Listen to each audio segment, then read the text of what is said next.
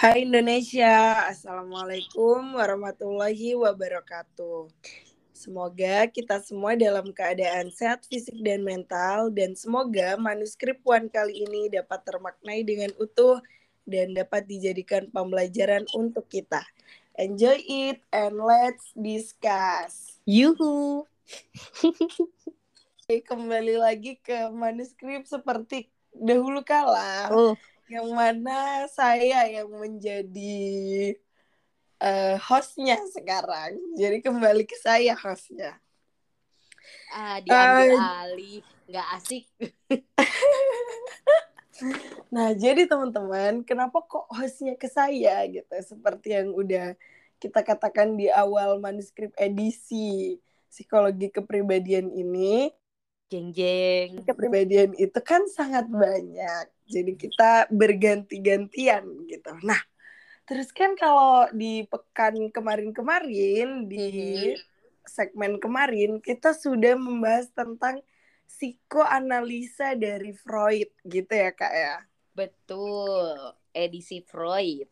Benar. Nah, kira-kira nih untuk di segmen yang sekarang kan mau bahas tentang siapa sih? Tentang Boleh kali kasih clue-nya. tentang psikologi edisi Alifa. Enggak ya? Enggak dong, bukan. kan kita lagi bahas ini psikoanalisa, psikologi kepribadian. Kalau edisi Alifa nanti next psikologi sosial nanti kalau udah launching bukunya Kak Iva ya. Asik. Amin, amin. Oke. Hmm, hari ini ini salah satu tokoh favorit saya walaupun dia di di rumpunnya psikoanalisa tapi hmm, saya agak tertarik dengan apa beliau. Beliau ini siapa sih Kak?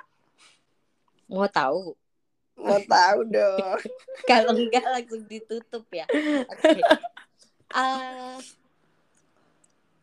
teori yang terkenal itu psikologi analitikal.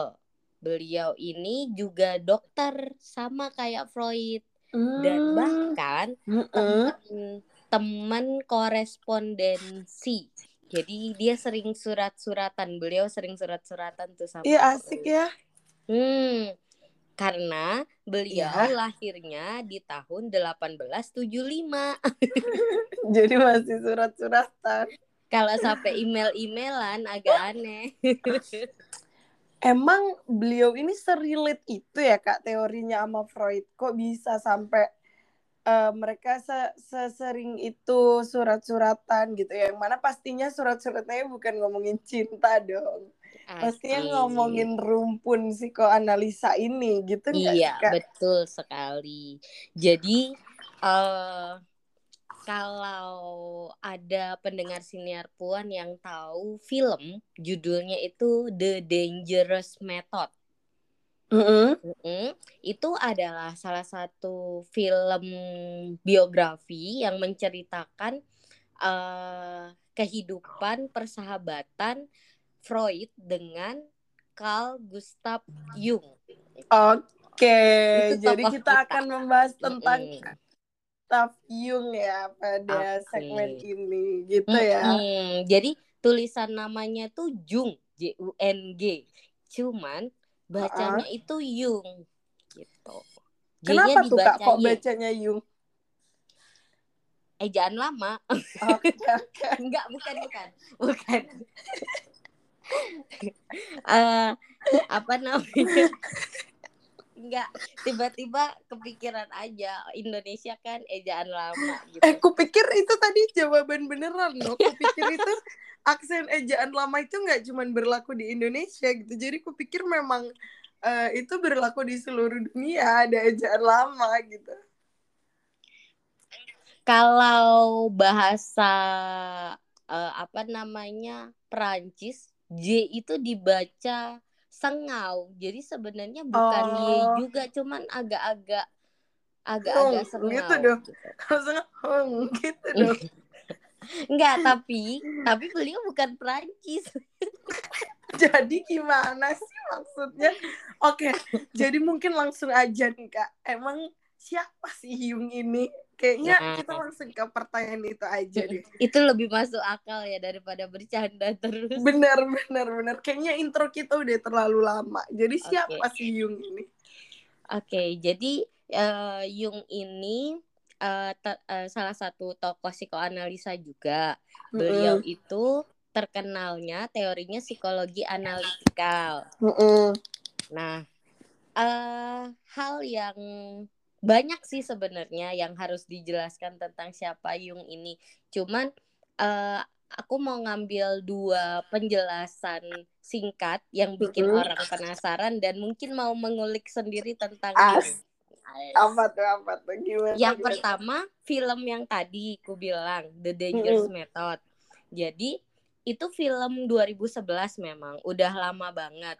Cuman uh, di situ kalau yang tertarik psikologi eh, awal-awal berdirinya psikologi itu kan psikoanalis satu kita udah mm -hmm. pernah bahas sebelumnya. Mm -hmm. Nah di situ uh, diceritakan tentang uh, proses korespondensi dan persahabatannya Jung sama Freud ini, yang mana mm -hmm. uh, sebenarnya Jung itu membangun teori berdasarkan uh, apa pemikiran-pemikiran Freud gitu. Pun dia oh. menyel, apa, menyelesaikan problem-problem kliennya gitu dalam apa dalam proses terapi, konseling mm-hmm. gitu-gitu. Mm-hmm. Uh, beliau mengikuti apa namanya mashabnya Freud atau uh, Freudian, Freudian, yeah, gitu. Freudian. Uh, uh, tapi, gitu, tapi, uh, uh, tapi si Jung ini uh, pada akhirnya memiliki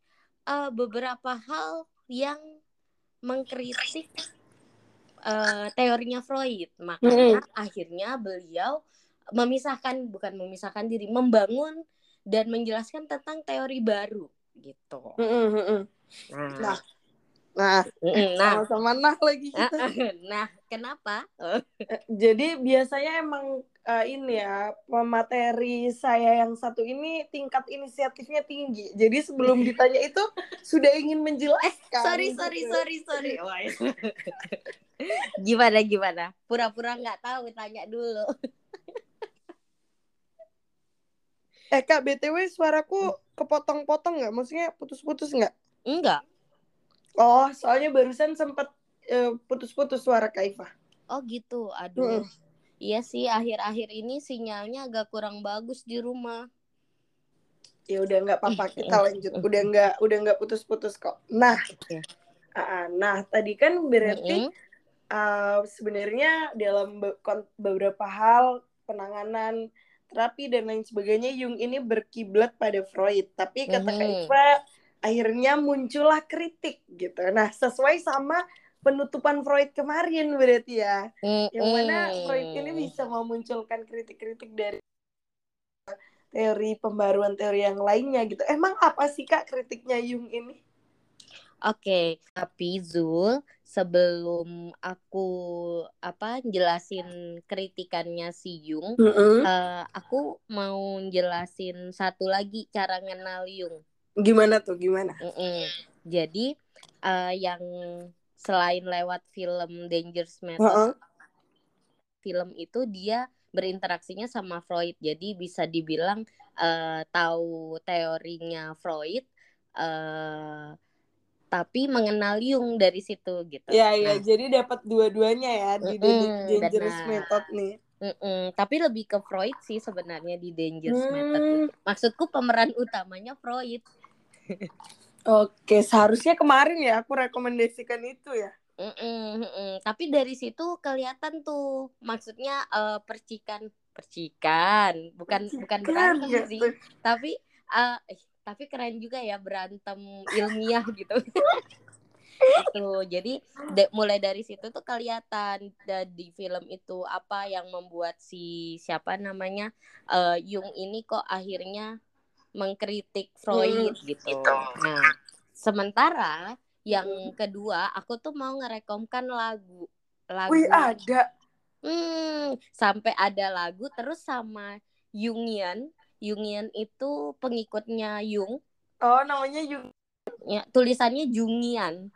Oke. Mm, pengikutnya Jung itu dibikinin buku untuk membahas lagu itu. Emang yang buat Hmm. lagunya siapa kak? Dan apa itu lagunya? Hmm, jadi tahu BTS, BTS yang sempat viral gara-gara McD ungu. Ha, yang gambarnya boneka-boneka itu. Hmm, jadi BTS itu ada buat satu album, lupa eh, map, map of the Soul, Map of the Soul. Hmm. Hmm, jal peta menuju jiwa, Map of the Soul. Di situ aku lupa jumlah lagunya, kalau nggak lima tujuh. Jadi mini album. Itu mini album. Ha-ha. tapi eh dalam setiap eh, lagu itu menjelaskan tentang struktur kepribadian Freud. Mungkin bahasa Korea, bahasa Korea. Jadi gila. ah, yang hebat penulisnya. Penulis penulis lirik lagunya. penulis liriknya dong. Dia bisa memasukkan nilai-nilai kepribadian Jung ke dalam lagu itu. Siapa penulisnya kak? Nggak tahu. Sialan. Aku udah excited lagi nanyanya.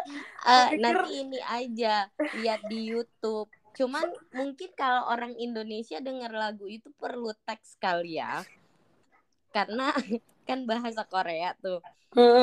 Jadi perlu teks. Cuman dia tidak menjelaskan seperti eh, apa namanya struktur kepribadian Jung terdiri Iya Nggak dong. gitu. ya kali lirik lagu begitu. Ah. Iya, cuman eh, saya tuh excited banget karena gini, itu tuh eh apa K-pop ya gitu, Mm-mm. band K-pop yang terkenal. Terus dia itu menyanyikan lagu-lagu yang itu. Jadi ada sat- satu lirik lagu itu yang menjelaskan tentang kan eh, psikologi Jung ini dia menjadi apa individuasi ya Hmm. menjadi eh, individu yang berkembang. Nah, ada aku lupa judulnya panjang soalnya.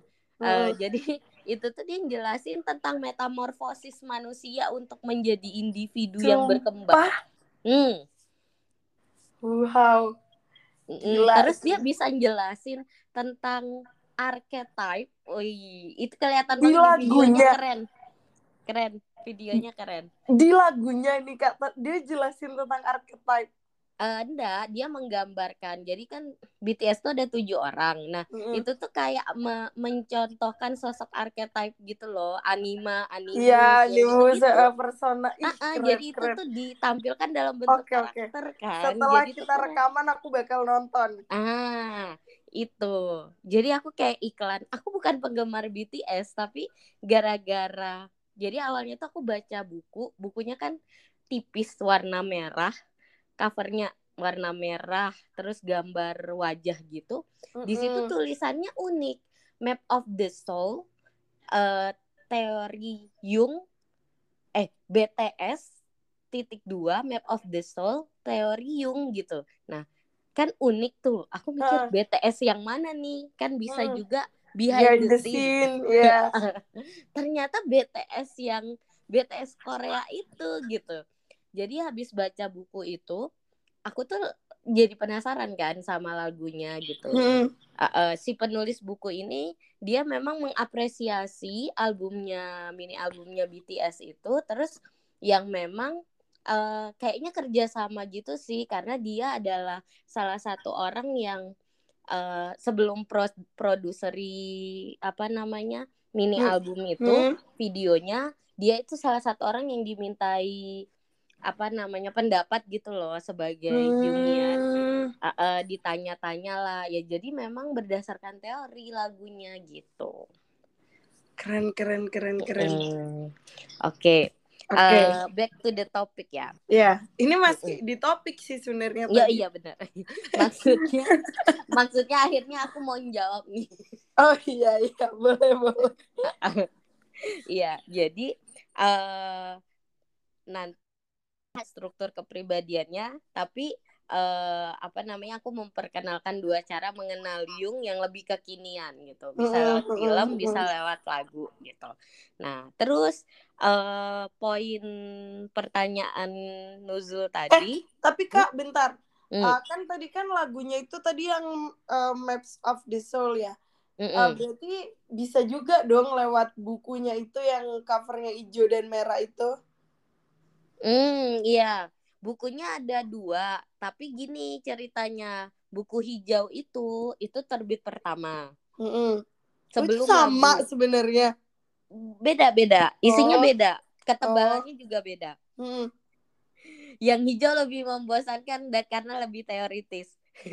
Aku punya Oke. dua-duanya. Jadi gini, yang hijau tuh terbit duluan sebelum Mm-mm. lagu. Nah, hijau Hmm. buku hijau ini itu menginspirasi eh, BTS buat album itu. Oh, jadi berawal dari buku hijau, BTS buat album itu muncullah buku merah gitu. Yes. I see. Oke, oke, oke. Berarti dari buku Jadi- mungkin jadi juga bisa ya, semacam- teman-teman. Eh, eh, BTS itu mengapresiasi buku Map of the Soul itu kan. Terus sama si penulis siapa sih namanya lupa. Murray Stein. Ah, Bukan. Murray Stein ya, Stein ya. Ya. Nah, Murray Stein. Jadi si Mu- eh, Murray Stein ini mengapresiasi lagu buatan BTS dengan buku yang merah. I see. Murray Stein saudaranya Henry Murray nggak ya? Hmm, kalau dari namanya Murray Stein berarti marganya Stein bukan Murray. Oke. Itu tadi anu aja. Eh, aku tahu bercanda tapi kurang kurang kurang kurang. Oke, lanjut berarti. Kita lanjut ke Mhm. yang pertanyaan tadi. Yang pertanyaan kritikan ya. Ya. Oke, jadi eh, tiga ada tiga nih kalau versi bukunya Alwisol ada Mm-mm. tiga kritikan yang eh, membuat Jung eh, mendalami teori sendiri. Yang Mm. pertama, yang paling banyak dikritik orang tentang teori Freud adalah eh seks itu adalah hal yang penting. Mm-mm. Nah, per apa tugas perkembangannya Freud pun menjelaskan tentang seksualitas. Sementara menurut Jung, seks itu ya kebutuhan manusia yang sama dengan kebutuhan lainnya, kayak makan, minum. Oke. Mm-mm. Nah, itu pertama. Kemudian yang kedua, menurut Jung, tingkah laku manusia itu tidak cuma dari masa lalu, tapi juga ada eh, apa dicampuri oleh pandangan mengenai masa depan, tujuan hidupnya, goalsnya, sama Mm-mm. aspirasinya. Jadi eh, apa namanya eh, keterlibatan dia dalam kehidupan sosialnya gitu. Mm-mm. Jadi ya masa lalu, saat ini dan eh, tujuan Masa yang depan, akan datang ha-ha, ha-ha. gitu. Nah, terus yang, Yang ketiga, ketiga. em, menurut Yu- menurut Jung kepribadian itu sifatnya rasial atau filogenik. Apa tuh? Gimana? Tuh kan terlalu inisiatif baru mau ngomong gimana tuh sudah sudah dijawab sendiri apa tuh oke gimana tuh kak Ayo apa yo Jul? Eh salah ya, aku ya pemandu gimana lagi nih konsepnya oke Oke, oke. gimana tuh gimana Ah, kalau rasial itu kan nggak asing ya sama kata rasial. Mm-mm. Jadi perbedaan individu berdasarkan physically. Iya Mm-mm. Nah, kira-kira mirip maksudnya kalau filogenik itu. Jadi filogenik itu eh, nggak ngomongin fisik, tapi dia ngomongin genetik. Mm-mm. Jadi kalau menurutnya Jung ini Jung? yang yang melahirkan eh, apa teorinya yang terkenal tentang ketidaksadaran kolektif. kolektif Jadi, oke, eh, oke. jadi Jung itu bilangnya manusia itu sebenarnya eh, terlahir itu gak cuma ngebawa yang physically sebagai genetiknya. Jadi physically kan kayak mata kalau mata orang tuanya hitam, nggak mungkin Mm-mm. anaknya tahu-tahu matanya biru gitu kan. Mm-mm. Nah, sama kayak warna rambut dan lain sebagainya itu uh, physically. Tapi ternyata juga membawa kepribadian. Jadi ke uh, Jung ini uh, apa namanya mempercayai kepribadian itu genetik. Oke, berarti hmm, Hmm, ini ya apa jadi agak mirip sama sistemnya biopsikologi ya. Salah satu Ya. yang mempengaruhi kan gen. Ini DNA dan lain sebagainya itu kan ya. Oke oke oke oke oke. Biasa kalau inspirasi awalnya ya teori Darwin gitu. Oh, I see. Oke oke. Ya, jadi eh, apa namanya? Bagian ini sebenarnya eh, yang membuatku agak berat hati sih tentang Jung. Soalnya Genetik. uh, uh, uh, Mm-mm, mm-mm. Jadi eh tapi agak-agak masuk akal juga penjelasannya walaupun agak enggak loh. Apa sih? emang Belum. gimana penjelasannya? Belum, belum saatnya mengkritik. Oke oke oke oke oke oke. Maksudnya belum dijelasin struktur kepribadiannya. Pendengar belum tahu, aku udah mengkritik aja.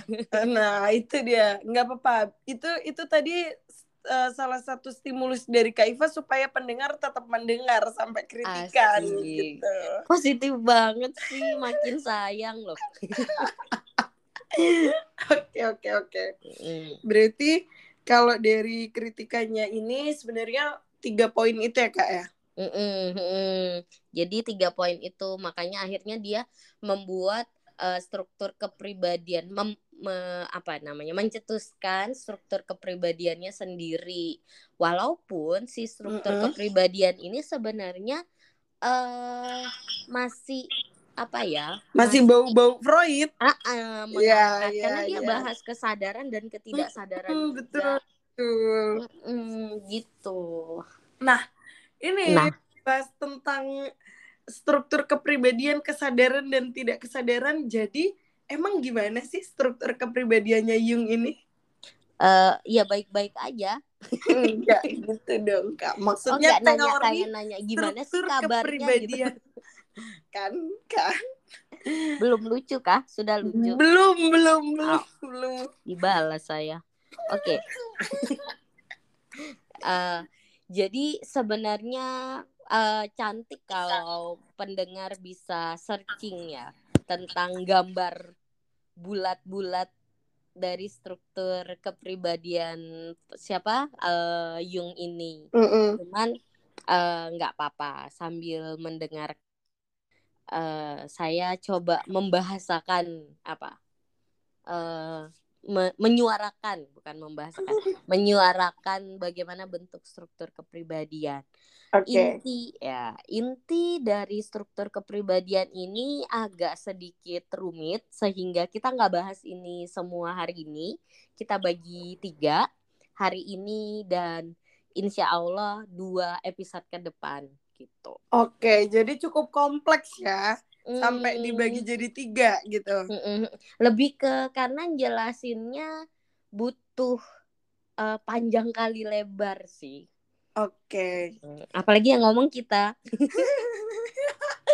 Oke. Karena jadi muncul pertanyaan-pertanyaan ya biasanya. Mm-mm, mm-mm. Oke. Jadi ini dulu pertama. Kalau you eh sorry, kalau Freud kemarin kan dia ada ngomong kesadaran, ketidaksadaran itu kan ada kesadaran, prasadar Mm-mm. sama ketidaksadaran. Ketidaksadaran. Ha. Nah, nah, kalau si Jung ini sebenarnya tiga juga, Mm-mm. tapi bukan kayak gitu namanya. Gimana tuh? Kesadaran, benar. Mm-mm. Terus ada namanya ketidaksadaran pribadi Mm-mm. atau ketidaksadaran personal sama aja. Eh, terus ketidaksadaran kolektif. Nah, yang terkenal itu memang istilah ketidaksadaran kolektif ini gitu. Hmm.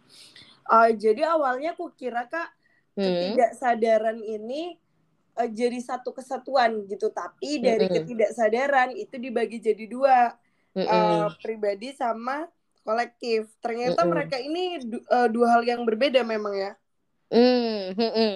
Cuman nih, Mm-mm. aku uh, coba uh, menyuarakan visual dari struktur kepribadian ya.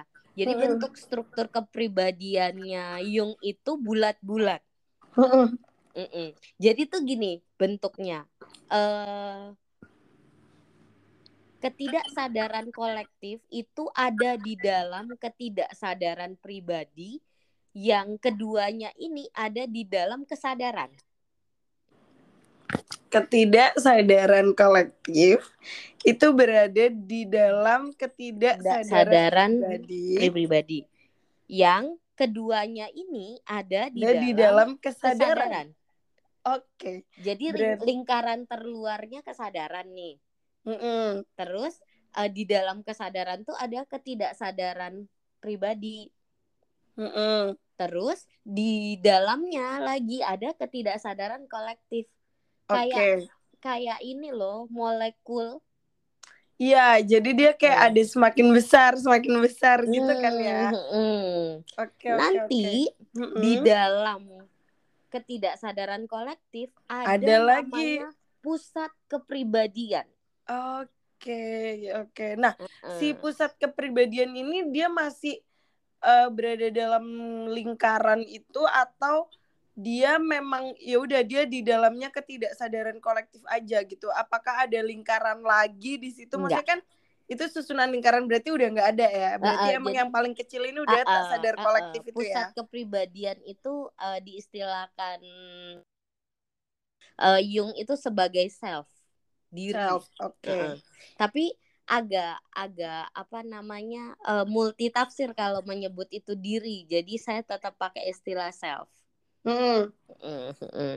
Nah, kita nggak ngomongin self pada malam hari ini, asik. Oke. Malam hari eh, Oke. kok malam hari sih? Kan belum tentu yang dengar malam. Kan ini waktu rekaman kita kak, bukan Iya, waktu iya. mereka men.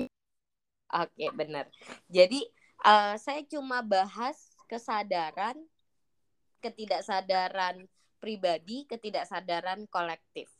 Oke. Berarti malam ini dua ya, ketidaksadaran pribadi sama kolektif. Hmm, sama kesadaran tiga dong. Oh tiga, oke Mm-mm. oke. Mm, Nah, sebelum kita bahas satu persatu, eh jadi apa namanya kan bentuknya tuh lingkaran-lingkaran gitu ya Mm-mm. kalau Jung.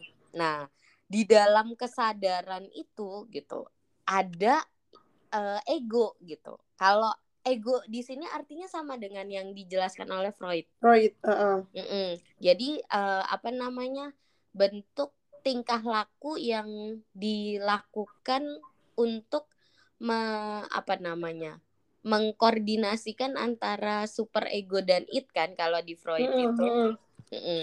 Jadi ego ini adalah tingkah laku eh, tingkah laku yang ditunjukkan gitu.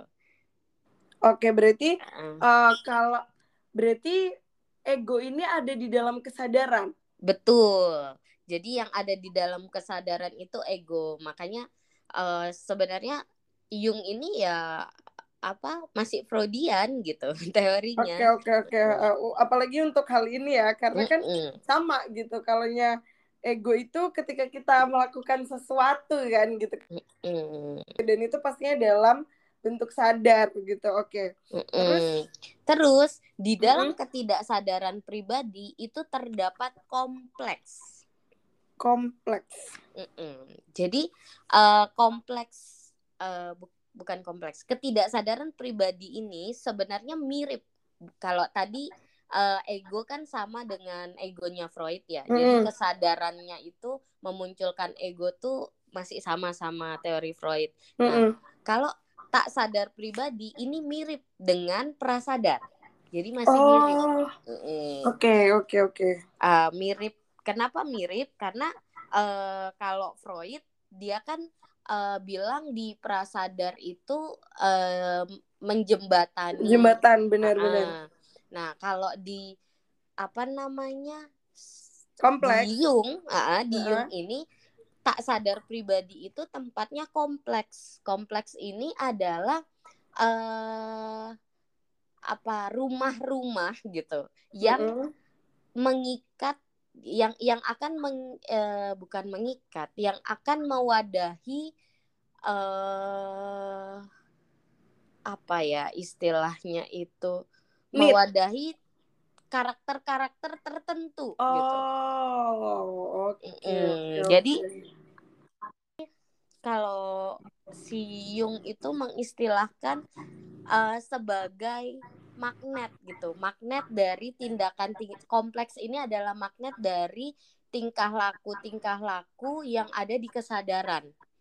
Jadi misalkan mm -hmm. ya, contoh aja kali ya biar nggak bingung. Boleh, boleh biar kebayang.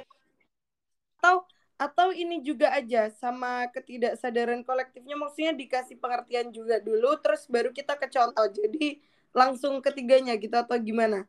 Hmm, jangan contoh okay. si ketidaksa eh, si kompleks dulu gitu. Oke, okay, boleh. Nah, uh, jadi kalau apa namanya kompleks ini kan dia letaknya di dalam ketidaksadaran pribadi. Mm. Namun kompleks ini ketika dia terlalu padat mm -mm. apa isinya sudah penuh gitu. Uh, itu tuh nanti bisa ketarik ke ketidaksadaran kolektif itu. Nah, oh, apa sih kompleks ini kok bisa sampai uh, bisa Narik. penuh gitu? Mm -mm. Mm. Jadi misalkan uh, kalau di sini tuh contohnya uh, ketika seseorang inferior, kompleksnya inferior. Mm -mm. Jadi kalau ada ada apa namanya wadah gitu, wadah atau tempat yang istilahnya inferior berada mm -hmm. di ketidaksadaran pribadi seseorang mm -hmm. uh, hal-hal yang seperti uh, orang lain menjelekkan dia terus dia ngeliat ngeliat apa namanya penampilan ideal terus kemudian dia disalahkan dalam satu situasi itu semua akan ketarik ke rumah yang namanya inferioritas. Oh, I see. Iya. Kak, tapi berarti dia fokusnya itu menarik hal-hal yang bersifat inferioritas atau enggak selalu? Nah, kompleks ini ada banyak. Oh, Mm-mm. gimana kan, tuh? Jadi tuh kayak mungkin kom uh, perumahan yang ada banyak rumahnya gitu. Mm-mm. Jadi masing-masing rumah itu punya uh, punya apa ya? Ciri khas. Uh, kayak semacam folder gitu loh. Masing-masing oh. folder itu di oh. dalamnya ada file-file yang mengumpulkan uh, judul folder itu, judul mm -hmm. rumah itu gitu. Mm -hmm. Jadi kayak inferior. Terus atau mungkin juga mungkin saya begitu contohnya mm -hmm. Uh, narsis gitu ya. Jadi dipuji dikit itu tuh yang muncul memang kayak gitu gitu. Oke okay, oke okay, I see I see. I see. Berarti uh, makanya sebenarnya ini tidak tidak terfokuskan pada halal yang bersifat inferior aja tapi mm -mm. memang beda-beda gitu masing-masing orang apa yang akan ditarik di kompleks ini gitu mm -mm, benar okay, jadi okay, okay. karena kenapa dibilang mirip karena asal dari isi kompleks itu adalah hal-hal yang ada di kesadaran. Entah itu overthinkingnya si individu tersebut atau memang uh, apa namanya hal dari eksternal. Misalkan kayak uh, daripada ngomong inferior nggak asik ngomongin saya aja ya. Kan? Memang sangat terlihat teman-teman. Narsistiknya itu sampai memberikan contohnya pun yang asik gitu ya Ma ini maksudnya gini kalau yang yang punya buku Alwisol bisa baca tentang inferior okay. kalau tentang tentang kepercayaan diri yang baik kalau kan kalau bahasanya uh, orang-orang kan saya itu sombongnya bakat gitu. Nah, jadi kita namain namain kompleksnya itu sombong bakat aja. Oke, okay, oke, okay, boleh, boleh. Okay. Kan terserah nah, yang ngasih file kan, yang ngasih nama mm folder. Benar. Jadi Gimana ketika ketika ada uh, kompleks, ada apa folder namanya sombong bakat gitu uh, terus apa pun yang ada di luarku dalam bentuk entah itu pikiran-pikiran misalkan aku lagi scroll scroll IG terus ngeliat ih kasihan banget sih nih orang uh, pengen pengen baju tapi nggak muat. Aku dong tinggal eh pengen baju tapi nggak punya duit story orang misalkan. Gitu aja dipamerin. Aku dong mau beli apa aja bisa gitu. Kan pikiran Oke. sendiri tuh. Oke. pikiran nanti masuk ke wadah ke fol eh, apa ke folder File, tadi, uh-uh. gitu. Nah terus eh, selain pikiran dia bisa juga perasaan-perasaan gitu perasaan Hmm, yang mm-mm. membang eh, apa ya kalau membanggakan diri kan kurang kurang sip Eh, perasaan merasa pintar merasa cantik merasa Oke. baik nah Oke. uh, uh, hal-hal yang kita rasakan atau bisa jadi karena pujian tadi gitu ih Bu Iva enak banget sih jelasinnya gitu. Kan itu Ibu Iva kok awet muda banget sih. Nah itu. Perasaan bangga itu kan itu masuk juga ke folder. Oke, oke. pikiran perasaan terus eh pers- kalau persepsi itu bisa jadi eh ketika orang lain apa namanya ngejek tapi malah dianggap sebagai pujian kadang Oke. saya begitu kamu nih boros banget sih gitu terus saya balas gini ya namanya juga punya Punya duit. uang. Mm-mm. Sudah. jadi saya anggap Ya. itu pujian bahwa saya itu bisa foya-foya gitu Oke. Padahal mungkin orang itu tidak bermaksud memuji tapi menegur. Oke, oke dapat poinnya sih. Ha, Jadi Mm-mm. memang sebenarnya sifatnya itu tidak bisa dipukul rata masing-masing orang apa yang masuk di kompleks ini gitu ya. Mm-mm. Nah, jadi kalau versinya Jung ini sebenarnya ketika seseorang eh, punya kecenderungan pikiran, perasaan, persepsi, perilaku, ketika dia punya hal-hal yang seperti itu sebenarnya karena dia punya foldernya. Ada si kompleks Oh. tadi di tak di tak apa ketidaksadaran pribadi itu. Dan masing-masing orang tuh nggak sama foldernya. Benar benar benar. Nah, Mm. berarti eh, karena dia punya folder-folder itu, Kak. Berarti ketika itu dibutuhkan gitu. Kalau mengacu dari sistem folder di ini ya di komputer berarti ketika Mm-mm. dibutuhkan dia akan muncul ke kesadaran gitu ya, Kak ya. Yes, benar. Itu Oke. yang jadi dia menarik menarik apa namanya? menarik menambah menambah file-file gitu. Dia Mm-mm. dia otomatis ketika ada file baru atau ada pikiran baru mungkin atau ada pujian baru mungkin. Mm-mm. Nah, dia langsung seret gitu ketarik gitu. Oke, oke, oke, oke, paham, paham, paham. Mm, mm. Nah, begitupun ketika ada trigger kalau istilah istilah kekiniannya itu kan ketika ada trigger, ada stimulus gitu. Nah, Mm-mm. dia akan dari folder itu langsung muncul twing gitu. Ini loh gitu. Karena Iya, kamu iya, punya iya, iya. kompleksnya gitu. Mungkin mungkin ya, mungkin itu yang membuat ketika kalau kalau konteksnya orang gangguan, kalau sombong itu kan bukan gangguan ya. Kalau ketika konteksnya orang gangguan, fobia misalkan. Kalau eh, apa namanya? Karena dia sudah punya tadi itu ya tentang ba- misal ular, ular itu eh, apa namanya? eh, menjijikkan dan lain sebagainya gitu. Akhirnya eh, begitu eh, ada film yang menunjukkan ular misalkan atau lihat gambar aja gitu tuh dia langsung eh, panik heboh karena tiba-tiba tersentil gitu. Oke, oke. Mm.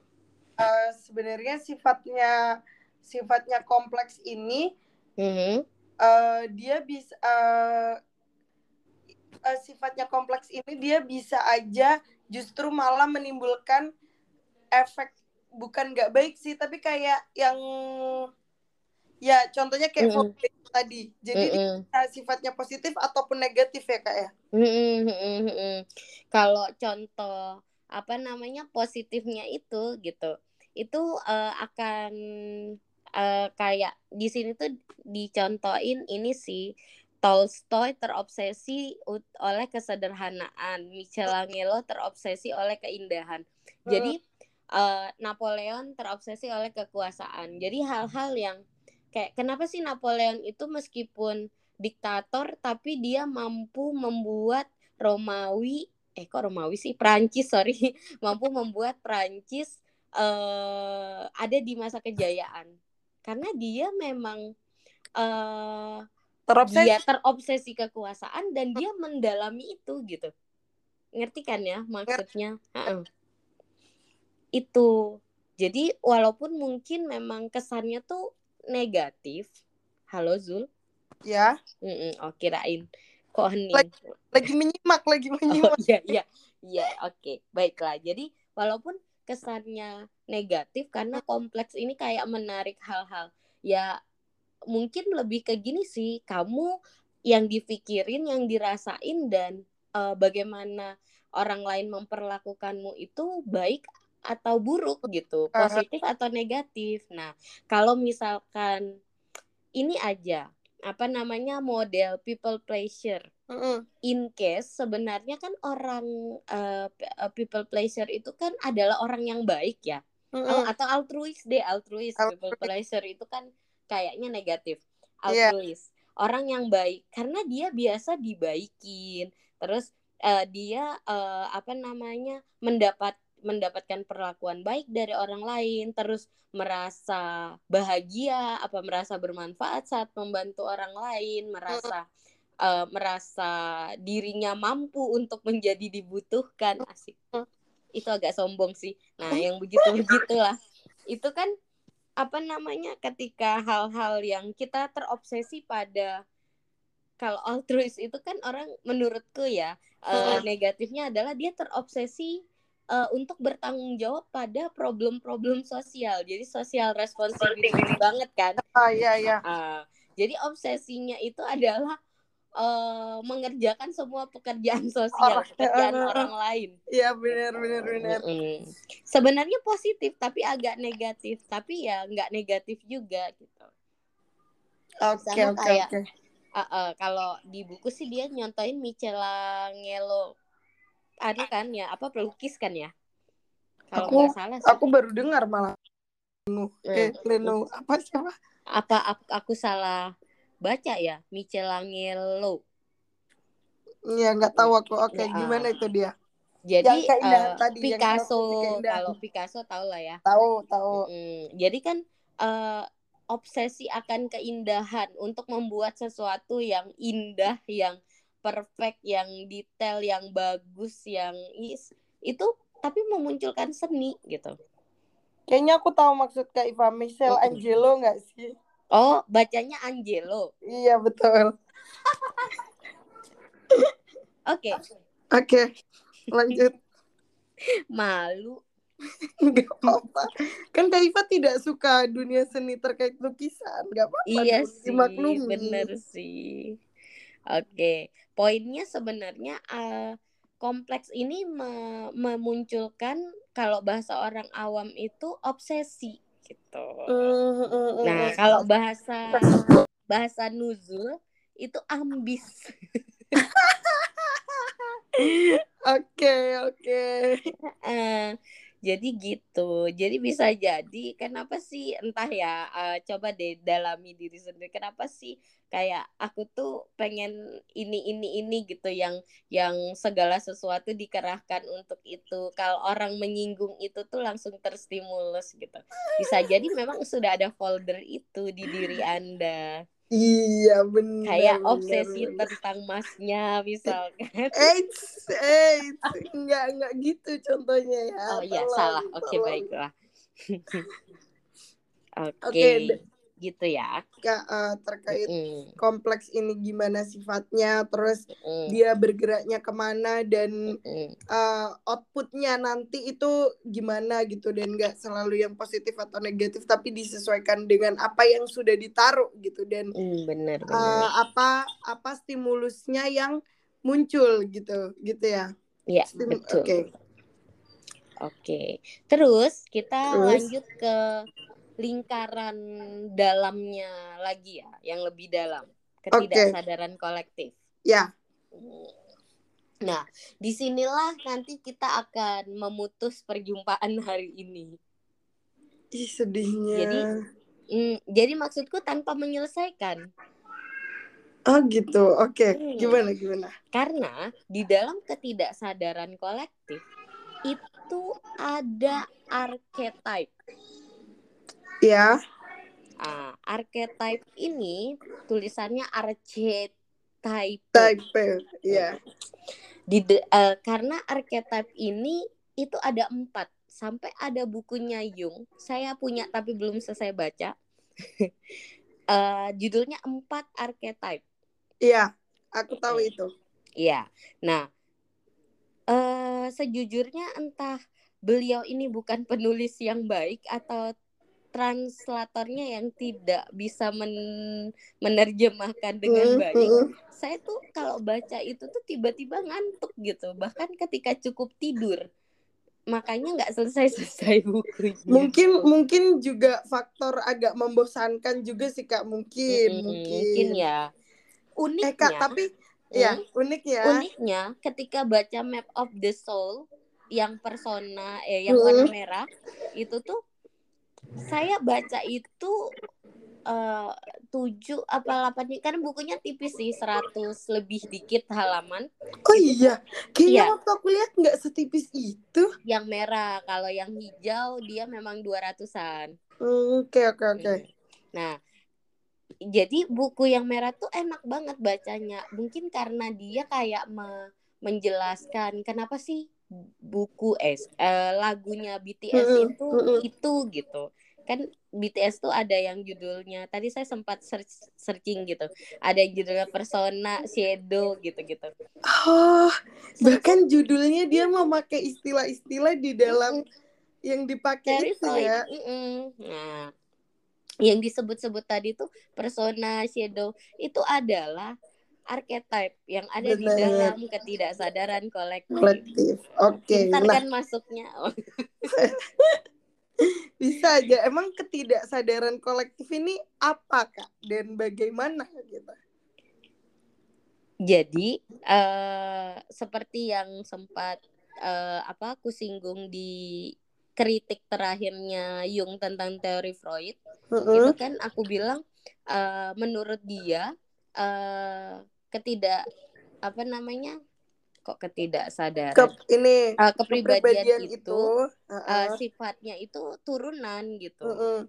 jadi bukan bukan karena di kalau kalau Freud kan eh, karena masalah di perkembangan ya Mm-mm. Eh, eh, salah satunya sama sih ketidakstabilan uh, ini ketidakstabilan eh, apa kalau si Jung ini iya itu juga tapi Mm-mm. kamu tuh punya genetik gitu tentang itu nah Hmm. eh, ketidaksadaran kolektif ini adalah sesuatu yang eh genetik gitu menurut Jung gitu jadi Jung mempercayai Oke. yang ada di ketidaksadaran kolektif ini si archetype archetype itu Mm-mm. adalah eh, sesuatu yang mm, itu sebenarnya bawaan.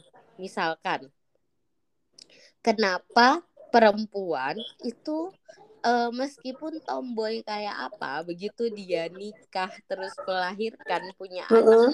bisa aja ngerawat anak, bisa sayang sama anaknya, bisa eh, jadi unsur keibuannya muncul gitu. Muncul oke oke archetype oke. Uh-uh. karena Oh, oke, ada istilah eh nanti jadi masuk archetype itu ada di ketidaksadaran gitu tapi eh, gini sebenarnya kenapa archetype itu nggak kita bahas hari ini Mm-mm. karena saya pengen menjelaskan empat archetype ini gitu walaupun eh, versi buku Alvisol belum Mm-mm. dari Jungnya karena belum selesai baca dan saya nggak percaya diri bilang itu selesai minggu ini gitu. Oke oke. Heeh. Jadi eh apa namanya mungkin eh saya bisa satu atau dua inilah eh apa namanya archetype yang saya bacanya dari buku aslinya gitu. Oke oke. Ah, ah. bukan karena bacanya yang lama nggak tak jelasin, tapi untuk bisa menjelaskan empat butuh pemahaman. ini gitu. Eh, bukan pem ya butuh pemahaman jadi lebih panjang jelasinnya. Mm-mm, mm-mm, Waktunya nggak cukup. Iya benar benar benar.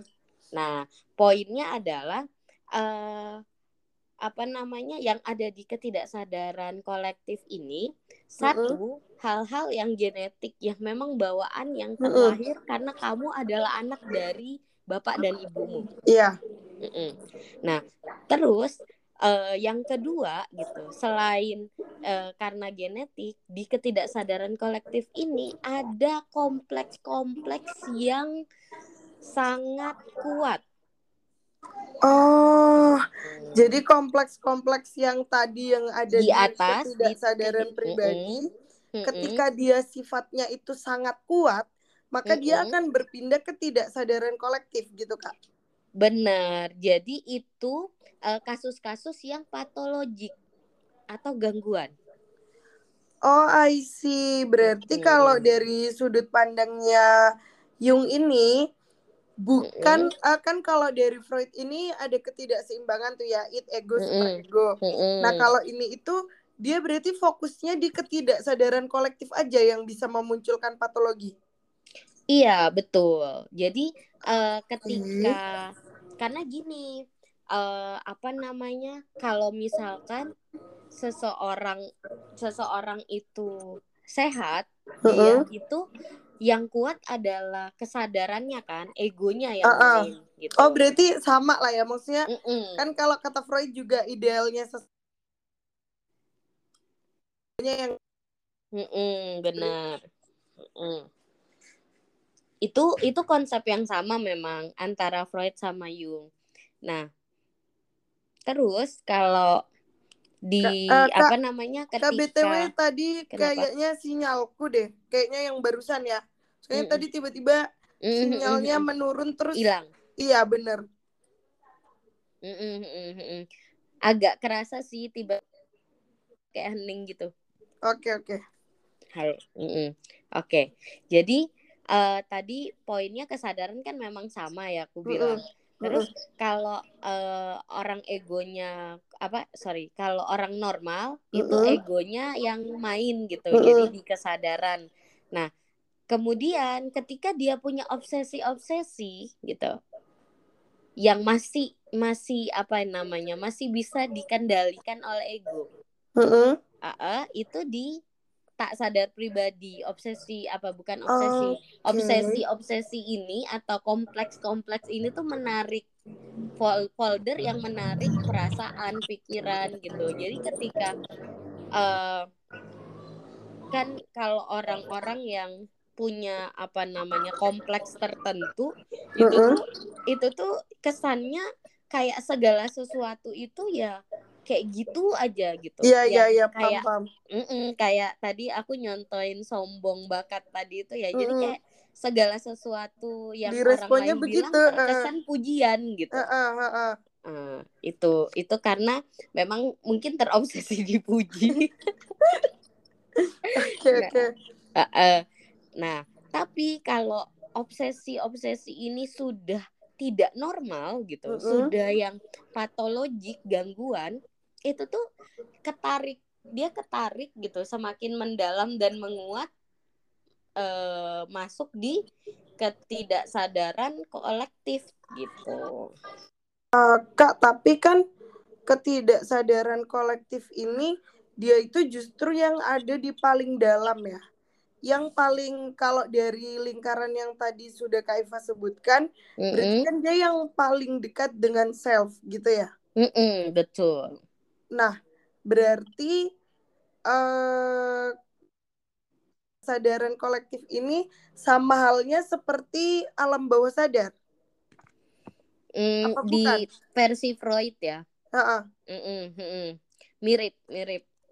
Okay. Mirip tapi uh, apa? Kan ini yang lahan kritikannya Jung ya. Mm -hmm. uh, uh, jadi uh, memang di Freud tidak ada istilah ketidaksadaran kolektif karena menurut uh, apa namanya Freud patologik itu gangguan itu ya awakmu dewe gitu eh mm. sorry dirimu sendiri yang mm. yang yang bertanggung jawab yeah. sementara uh, apa Jung ini memperkenalkan kenapa diistilahkan ketidaksadaran kolektif karena -hmm. sebenarnya ini adalah genetik gitu jadi jadi semacam sudah turun temurun uh, kamu dapatkan begitu. Oke oke oke oke. Apakah sinyalmu agak buruk? Uh, suaraku putus-putus tah. Bukan suaranya tapi kayak kresek-kresek gitu loh. Oh, itu suara buku BTW. Oh. Astaga. Ke kekurangan dari online ini, duh. Salah paham deh hamba. Gak apa-apa, gak apa-apa. Itu apa tadi? ini ini ini tadi nyampe di ini kan berarti ketika kompleksnya hmm. itu sangat kuat uh, jadinya bisa memunculkan patologi gitu hmm.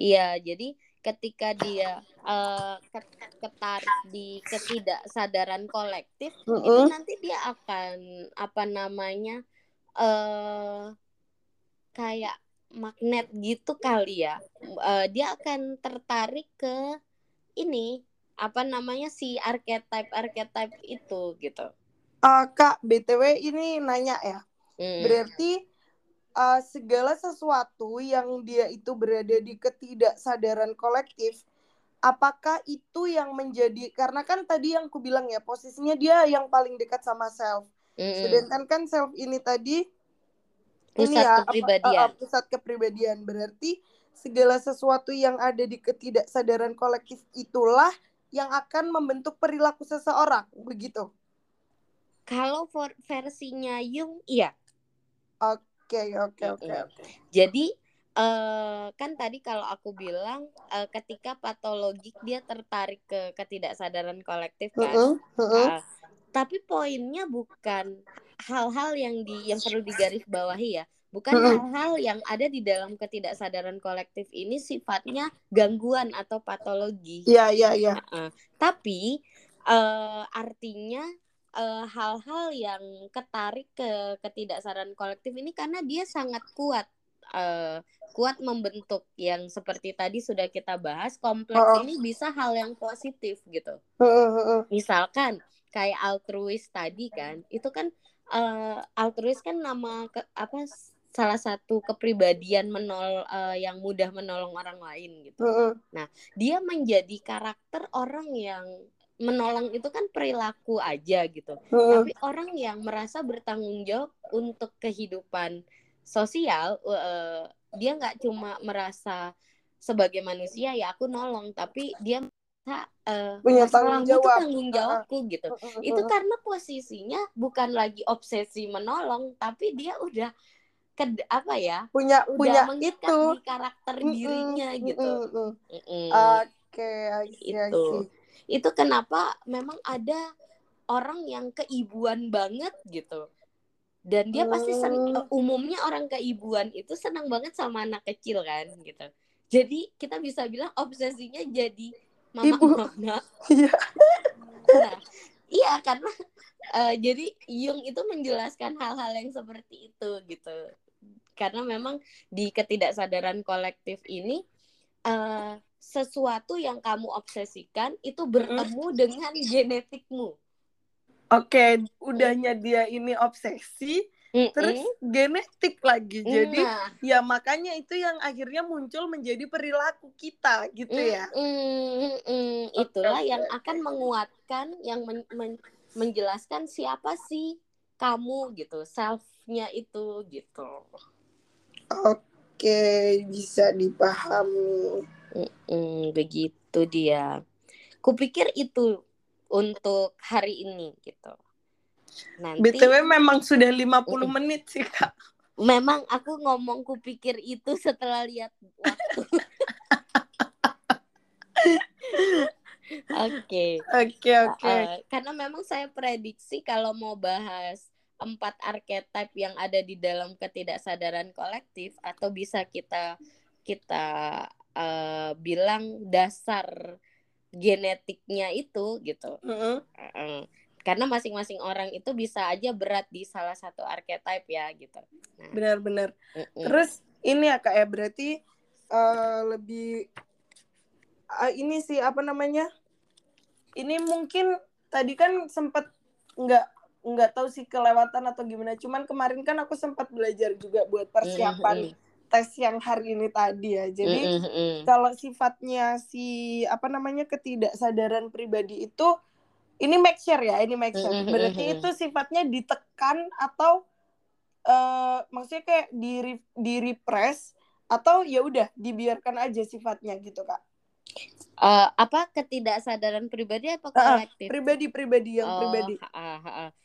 Eh, tidak, tidak harus ditekan gitu. Hmm, Karena karena kalau kalau modelnya Jung kan tadi dia dia menganggap bahwa namanya manusia itu nggak cuma masa lalu, tapi goalsnya bisa.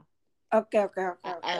terus apresiasinya terhadap sesuatu eh apa ap- ya apresiasinya terhadap sesuatu juga bisa gitu Hmm, hmm, hmm. aspirasinya gitu idenya nah eh, sehingga memang Jung tidak tidak menjelaskan tentang apa tadi eh Tekanan tekanan di- gitu ah, ah, tapi bisa jadi salah satunya tekanan karena kan bisa itu masa Bisa, lalu gitu ah, benar, tapi benar. goalsmu itu juga bisa Iya, karena oke. poinnya tak sadar pribadi itu kan ada foldernya, ada Mm-mm. kompleksnya Mm-mm. yang itu menarik gitu.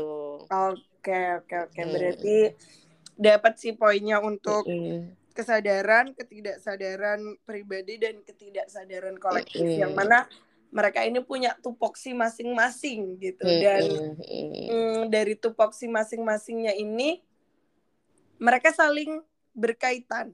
Mm-mm. Mm-mm. Benar Gitu. benar. Oke. Eh, dan tapi untuk ketidaksadaran kolektif itu masih banyak lagi gitu yang ada di dalamnya gitu. Iya, yang karena mana- Yang ada di dalamnya adalah archetype yang Uh-uh. kita bahas.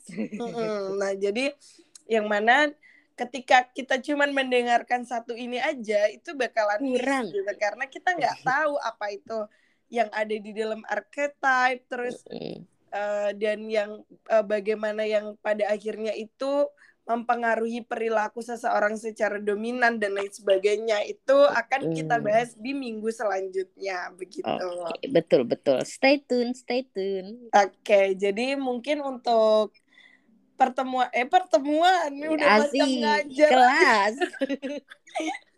untuk untuk bincang kita tentang manuskrip Puan di minggu ini bisa Mhm. dicukupkan segini Oke. eh, dengan pembahasan terkait bagaimana di mana kita bisa mengenal Jung eh, yang mana tadi sudah dituli, eh, diberitahu sama Kak Iva bahwasanya Mm-mm. itu dengan cara yang lebih kekinian gitu ya. Jadi bisa Mm-mm. dari lagu, dari film dan Mm-mm. dari buku Baca. juga bisa. Terus juga terkait kritikan terhadap Freud dan struktur Hmm. kepribadian yang masih setengah dan akan dilanjutkan lagi pada minggu berikutnya. Oke. Oke, Seperti selamat biasa. nonton Nuzul. Nonton videonya BTS. Benar. Seperti biasa, manuskrip selalu tidak diakhiri dengan kesimpulan. Mhm. Maka sekian dari kami. Terima Wasa- kasih. Belum. Wassalam. Oh, belum ya. Obsesi, obsesi nutup.